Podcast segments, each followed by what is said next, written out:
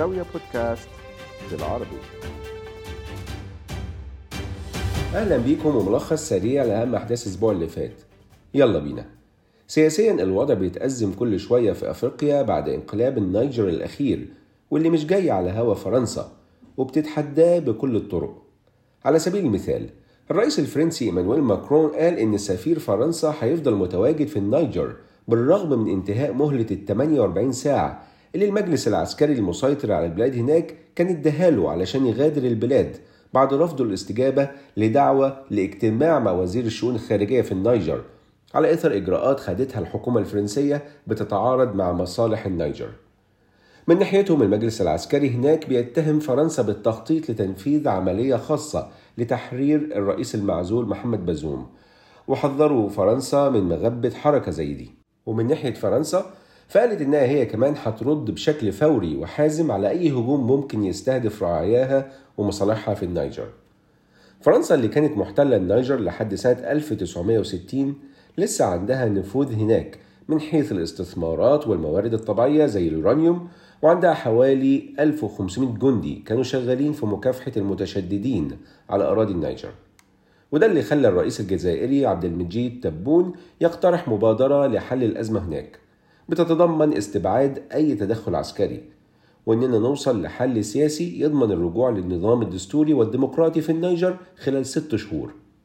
المبادرة بتشمل العمل على تنظيم مؤتمر دولي للتنمية لجمع تمويلات لتنفيذ برامج تنموية في المنطقة اللي هي في أمس الحاجة للبنية التحتية اجتماعيا واقتصاديا. طب يا مسهل ولكن وبدون سابق إنذار لقينا يوم الاربع اللي فات انقلاب تاني في أفريقيا. لا تاني إيه؟ قول رابع بقى. ولكن في الجابون اللي هي برضو كانت محتلة من فرنسا زيها زي النيجر وقبلهم مالي وبوركينا فاسو السنتين اللي فاتوا. وكلهم كانوا مستعمرات فرنسية في القرن اللي فات. وعلى نفس المنوال مجموعة من كبار ضباط الجيش في الجابون استولت على السلطة هناك واحتجزوا الرئيس الجابوني علي بونجو وحطوه تحت الإقامة الجبرية بعد إعلان فوزه بولاية تالتة في البلاد. واللي كان هيمدد حكم عيلته اللي مستمر من أكتر من خمسين سنة. وبناء عليه تم إلغاء نتائج الانتخابات بسبب عدم شفافية العملية الانتخابية وتم إغلاق حدود البلاد وحل مؤسسات الدولة. طب وفرنسا؟ copy and paste فرنسا نددت بالانقلاب وقالت إنها هتتابع الأحداث عن كثب. والاتحاد الأفريقي هو كمان ندد بالانقلاب وعلق عضوية الجابون في أنشطته. أما الولايات المتحدة فأبدت قلقها من التطورات ديت. لكن كلها ثلاثة أيام ويتم تنصيب قائد الانقلاب الجابوني كرئيس انتقالي يوم الاثنين الجاي 4 سبتمبر واللي كان الرئيس السابق للحرس الرئاسي. الواحد مش عارف هي فرنسا حظها وحش ولا هي حروب بالوكالة وغير مباشرة ضدها. من جانب روسيا مثلا. أو بمناسبة المجالس العسكرية الانتقالية في أفريقيا رئيس مجلس السيادة الانتقالي السوداني عبد الفتاح البرهان زار مصر مؤخرا وأجرى مباحثات مع الرئيس المصري عبد الفتاح السيسي في أول زيارة ليه خارج السودان من وقت بدء الصراع هناك ضد قوات الدعم السريع في منتصف إبريل اللي فات.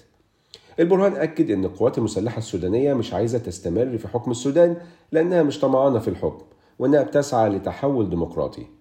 من ناحيتها مصر في صورة مصر للطيران أعلنت تسيير أول رحلاتها الجوية المباشرة بين القاهرة وبورت سودان ابتداء من النهاردة 1 سبتمبر بواقع رحلة واحدة يوميا وده بعد إعادة فتح المجال الجوي الشرقي أمام الملاحة العالمية اعتبارا من 15 أغسطس اللي فات بعد إغلاقه بالكامل من نص إبريل اللي قبليه. ولسه في أفريقيا واللي انتهت فيها جولة المفاوضات الأخيرة حوالين سد النهضة الإثيوبي واللي استمرت على مدار يومين بمشاركة وفود من مصر وأثيوبيا والسودان. وكالعادة ما كانش فيه تغيرات ملموسة من الجانب الإثيوبي. أما مصر فبعد الإعلان عن انضمامها لتكتل البريكس أول 2024 مجلس الوزراء المصري وافق على إصدار جديد من سندات الساموراي بقيمة 500 مليون دولار لمدة خمس سنين ولكن توقيت الإصدار بالضبط لسه لم يتم الإعلان عنه. الساموراي هي سندات بالين الياباني بتصدرها مصر في اليابان وكان إصدارها الأول في مارس 2022 وكان برضه لمدة خمس سنين وبقيمة حوالي 500 مليون دولار أو 60 مليار ين ياباني. كل ده ومع احتدام أزمة العملة الصعبة في مصر. مصر ألزمت الأجانب اللي هيحتاجوا يسددوا رسوم سيادية زي الإقامة وغرامات التخلف وتكاليف إصدار بطاقة الإقامة إنهم يحولوا العملات الأجنبية للجنيه المصري من أحد البنوك أو شركات الصرافة المعتمدة وبالسعر الرسمي طبعا. وحسب بيان الحكومة الأجانب المقيمين بصورة غير شرعية في مصر هيقدروا يوفقوا أوضاعهم ويقننوا إقامتهم في مصر بس يكون عندهم مستضيف مصري الجنسية وده خلال ثلاث شهور من تاريخ العمل بالقرار. وطبعا ده هيكون مقابل سداد مصروفات إدارية بما يعادل 1000 دولار.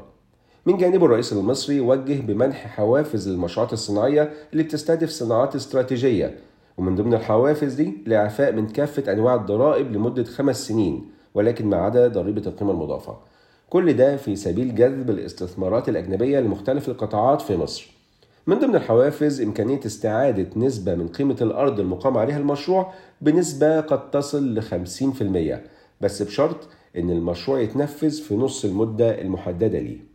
وعلى الجانب الشرقي من البحر الأحمر أطلق ولي العهد السعودي الأمير محمد بن سلمان الحد اللي فات المخطط العام للمراكز اللوجستية في السعودية بهدف تطوير البنية التحتية للقطاع اللوجستي في المملكة وتنويع الاقتصاد المحلي هناك مع تطوير الربط المحلي والإقليمي والدولي لشبكات التجارة الدولية وسلاسل الإمداد العالمية وبالتالي ترسيخ مكانة المملكة كمركز لوجستي عالمي.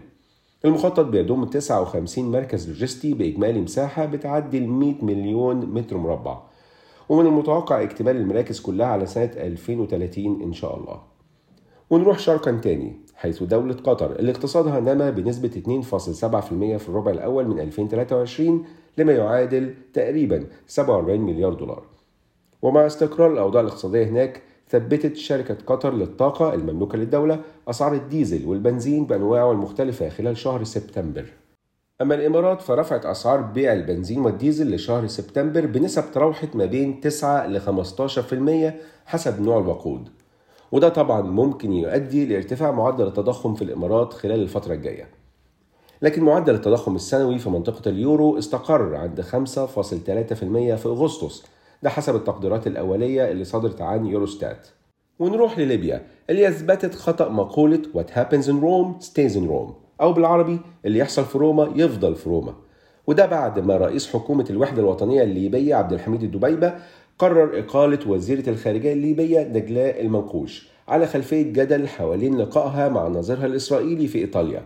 والغريب إن اللقاء ده ما تعرفش في وسائل الإعلام إلا لما وزير الخارجية الإسرائيلي الي كوهين أعلن عنه.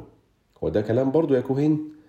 النقطة إن ليبيا وإسرائيل ما عندهمش علاقات دبلوماسية مع بعض وبالتالي ده كان أول اجتماع رسمي رفيع المستوى بين البلدين. وإن كانت الخارجية الليبية نفت وقالت إن اللقاء كان عارض وغير رسمي وغير معد مسبقا وأثناء لقاء مع وزير الخارجية الإيطالي. يبقى أكيد اتقابلوا صدفة في روما.